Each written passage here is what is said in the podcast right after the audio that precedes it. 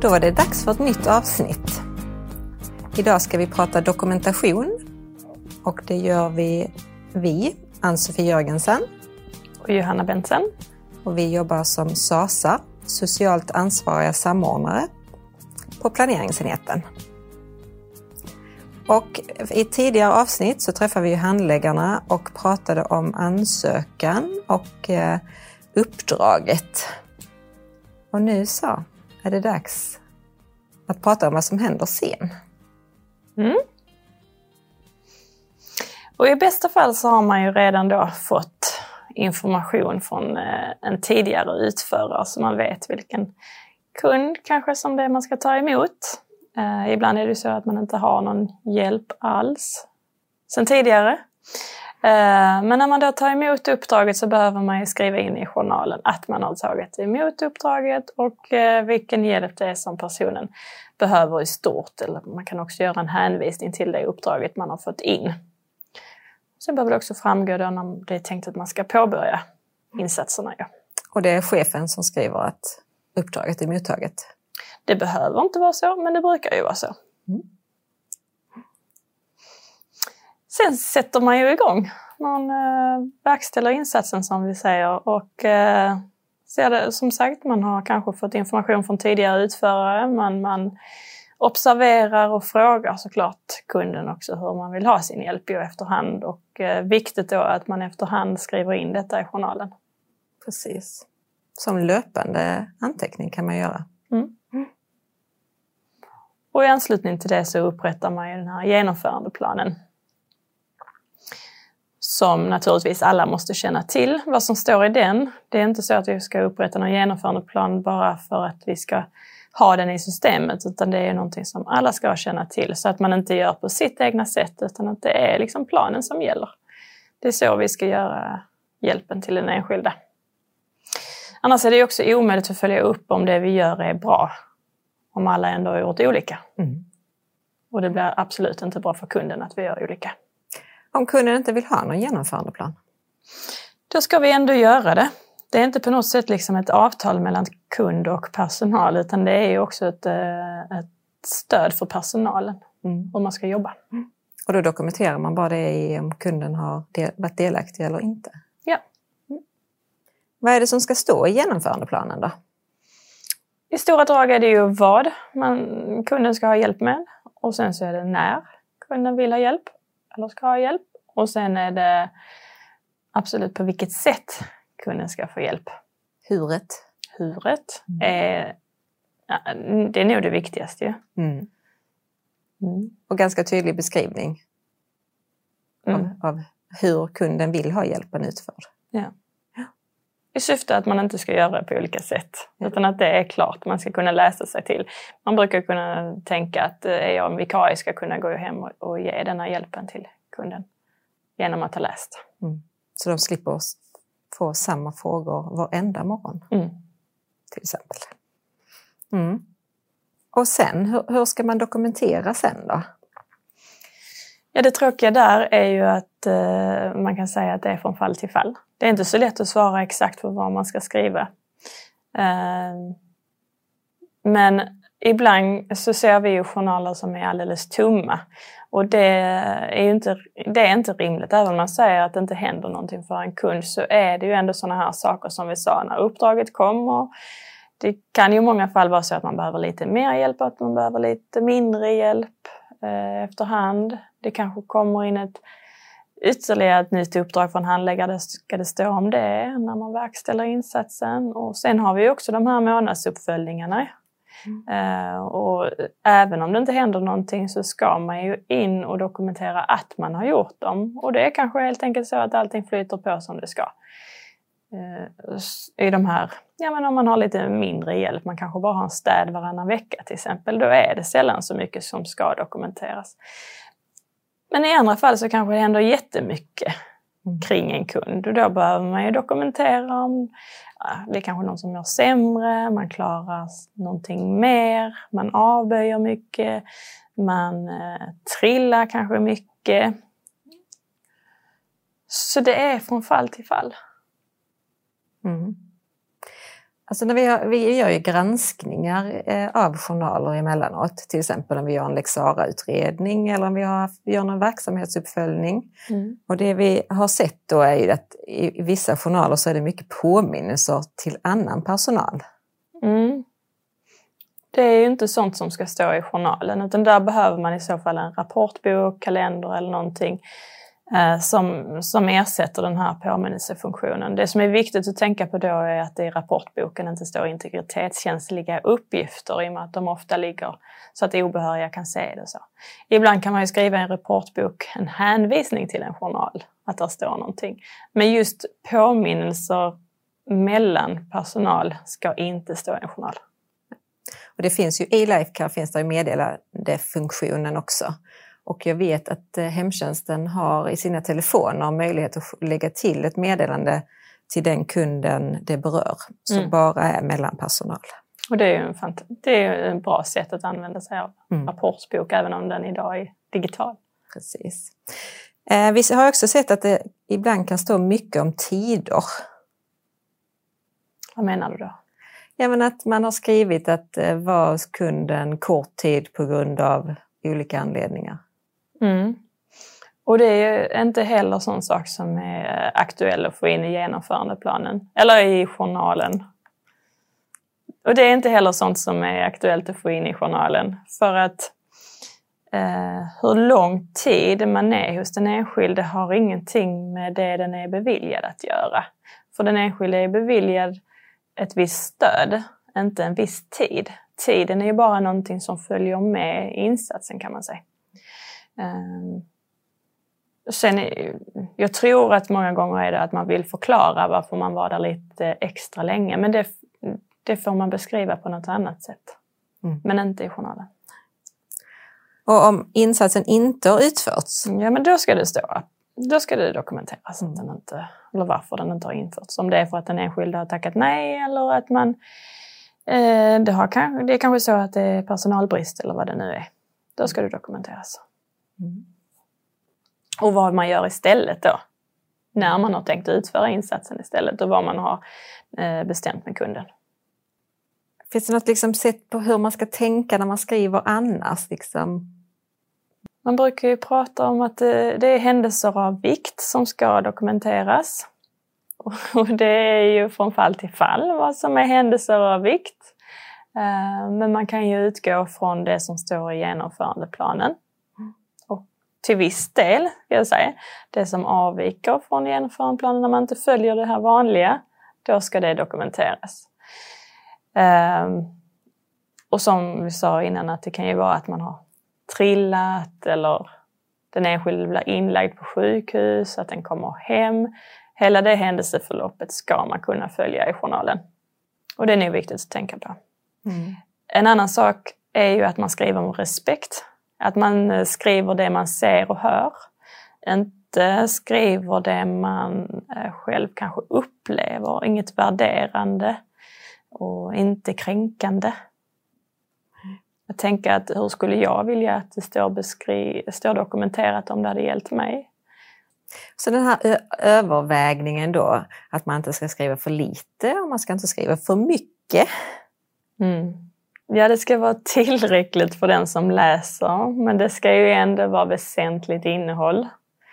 Eh, det ska inte stå en massa onödig information om saker som... Ja, om allting följer planeringen, då är det ju inte så mycket som ska dokumenteras. Du ska inte dokumentera gång på gång att någon har varit med på en viss aktivitet till exempel. För tillhör det det vanliga så ska du ju inte skriva det. Däremot så kan det ju vara att du aktivt har jobbat för att den enskilde liksom ska vara med på en aktivitet. Då är, då är det ju en händelse av vikt. Mm. Så det är svårt att svara på vad som är för mycket och vad som är för lite. Mm. Ska vi säga någonting också om det här med att dokumentera under livsområdena? Mm. Det tänker jag är också nyttan, men sen när man ska göra en uppföljning på en genomförandeplan, men också att man, om man har koll på genomförandeplanen, då ser man inom vilka livsområden de olika aktiviteterna är, till exempel personlig vård. Mm. Eh, och att man då dokumenterar under de livsområdena för att man lättare ska kunna följa det sen. Mm. Och det är ett bra tips när man ska göra uppföljning på genomförandeplanen. För då kan man ju bara gå in och söka dokumentation för till exempel de sex månaderna tillbaka och så väljer man ut till exempel förflyttning eller vad det nu kan vara för ett livsområde och då får man fram alla anteckningar som är gjorda under den tiden. Så blir det enklare att följa upp det. Och det är det vi kallar strukturerad dokumentation. Precis. Mm. Jaha, och sen du nämnde den tidigare. Att vara science det här med livsområden, det är knävligt. Ja, det är det. Det ska man ju vara medveten om att det inte är så himla lätt att veta vilket livsområde det ska dokumenteras under. Men visst, det finns ett stödmaterial för detta. Ja, dels finns det ju eh, stödtext eller hjälptext i Lifecare. Så man ställer sig på, på eh, orden så kommer det fram. Mm. Och sen har vi också eh, dokument som vi har gett till dokumentationsombuden. Så att vi hoppas att de sprider, för jag har sagt att det är perfekt om de ligger bredvid datorn där ni dokumenterar. För att kunna det utan till kan vi ju inte begära av någon. Nej, absolut inte. Och jag tror ju mer man använder det, eh, desto lättare kommer det bli. Och vad händer om man dokumenterar fel där då? Det händer ingenting. Nej. Det viktiga är att man dokumenterar. Så det är ändå viktigare att man dokumenterar, Absolut. även om man är lite osäker vilket livsområde det är. Mm. Viktigare att man dokumenterar, så får vi rätta till det efterhand. Ja, precis. Jag tänker också att det kan vara ett lärande i det. Mm. Att, eh, men, eh, du nämnde det tidigare, det här med den månadsvisa genomgången av journalen. Mm. Berätta lite mer om det. Det är ju ett nytt arbetssätt som vi har. Det finns nya rutiner för det. Eh, och anledningen är att vi tillbaks i tiden såg att man kanske inte alltid eh, granskade journalen. Vad var det som hände för den enskilde över tid? Ehm, så syftet med det är att man månadsvis ska gå in och se hur går det för denna enskilda kunden? Eh, att man lyfter blicken och ser vad är det som har hänt den senaste månaden så att man inte missar någon viktig information. Vi kallar det för att man ska kunna se mönster eller trender. Det kan ju vara till exempel att vi genom att titta i journalen så kan vi se att ja, men det, här är ju någon som är orolig efter en viss aktivitet eller när han eller hon har fått vissa besök och då behöver man göra någonting åt det. Så det kan ju också vara att någon avbokar eh, eh, ja, men till exempel eh, en duschinsats flera gånger. Och då behöver vi titta på vad är det som gör att man avbokar. Det är det för att man erbjuder hjälpen på morgonen. Vi kanske ska prova att göra det på kvällen eller är det när avbokar de när det kommer viss personal? Hur kan vi då göra för att ja, men prova någon annan personal? Eh, och sen ska man också stämma av genomförandeplanen varje månad. Ehm, och det är för att vi helt enkelt inte ska riskera att vi helt plötsligt har en plan som inte motsvarar uppdraget som kom från handläggaren, bland annat.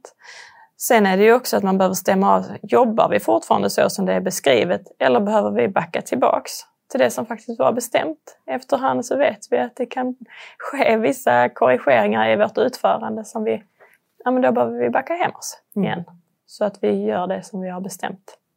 Och sen är det ju också såklart att ibland behöver vi ändra i genomförandeplanen efterhand. Mm. En annan sak som jag tycker att vi ska påminna om, framförallt kanske vi märker det när vi utreder lexarer, det är ju att någonting har hänt och sen ser vi ingen dokumentation om vad man har gjort åt det. Ehm, Ja, det kan ju vara ett exempel som man läser ganska ofta är att man har blivit inlagd på sjukhuset. Mm. Och sen ingenting, ingenting, vips så är det, står det någon helt annan anteckning om något helt annat. Men det går inte att följa eh, kanske varför man ligger inne och, och när man kommer tillbaka. Nej. Nej, det är det som vi sa innan att eh, journalen, det är ju kärnan till hela vårt uppdrag. Där ska man kunna följa från att uppdraget inkommer till att insatsen avslutas. Sen kan man hänvisa till saker som står i genomförandeplanen eller att det är någon minnesanteckningar från något möte som ligger i akten. Men det är ändå journalen som är kärnan till det hela. Så när vi går in och granskar ska vi kunna se hela det. Vad som har hänt från A till Ö. Precis. Lite, vi kan ta något exempel också det här när man inte öppnar dörren. Mm. Eh, Eller när man inte öppnar när man eh, har en insats. Det är ju någonting som vi har haft eh, flera lexarer på nu Mm. faktiskt. Mm. Tråkiga händelser som har skett efter sådana händelser. Mm. Tyvärr. Och det du menar var, om man inte öppnar dörren, vilka åtgärder är det vi vidtar då? då? Eh, och för så är det ju att om det är någon som inte öppnar dörren så har vi en särskild rutin för vad man ska göra åt det. Man kan inte bara åka därifrån och inte göra någonting. Jaha, har vi fått med allting nu då? Ja men det tror jag. Att dokumentera är ju oerhört svårt att göra det rätt. Eh, men samtidigt så ska vi inte vara rädda för att dokumentera så länge vi gör det med respekt för den enskilde. Eh, så hellre att vi dokumenterar lite för, li- för mycket eh, samtidigt som vi ändå tänker på att allt det här som är det vanliga inte ska dokumenteras. Alltså inte hålla på och dokumentera aktiviteter som har blivit utförda, som brukar bli utförda. Eh, att du utför städ och så vidare som står i genomförandeplanen, ja sånt ska inte vara med. Men annars är det ju liksom från att uppdraget inkommer så ska man kunna följa A till Ö, vad som händer. Och sen tror jag att jag glömde bort att säga att eh, i genomförandeplanen också ska framgå vem som gör vad. Alltså vad gör kunden själv och vad ska personalen stötta med. Och här blir det viktigt att tänka på att vi jobbar utifrån IBIC och att vi i och med det alltid ska tänka på kundens behov och inte fastna i insatstänket. Alltså om någon ska ha stöd i en duschsituation så behöver det inte innebära att han eller hon ska ha stöd med allt. Utan kanske bara med att ja, men att påminnas eller att tvätta håret bara. Även målsättningar kan ju behöva formuleras. Och här blir det viktigt att se vad handläggaren också har, har skrivit för målsättningar så att utföraren sen eh, arbetar med detta. Ja, sen hade vi säkert kunnat säga mycket mer om vad som ska stå i journalen. Men ett tips är ju att man som chef eller dokumentationsombud läser de här 20 sidorna om eh, utförardokumentation som framgår av Socialstyrelsens handbok för handläggning och dokumentation. Alltså den delen som är del 10 i den boken. Det är inte jättemånga sidor egentligen. Det är ju ändå chefen som har det yttersta ansvaret för att eh, det fungerar det här med dokumentation. Sen att man tänker på att, eh, att kunden kan när som helst begära ut sin journal Mm, och läsa den. Så att man liksom är medveten om det hela tiden också mm. innan man skriver. Och så kommer det nu, tror jag, bli i framtiden. Att precis som vi kan gå in och läsa våra patientjournaler idag, om vi har varit på vårdcentralen eller något, så kommer det ju bli så också för denna typen av journal. Skulle jag tro. Så det är lika bra att vi liksom övar på att dokumentera rätt nu. Okej, tack för idag. Tack så mycket.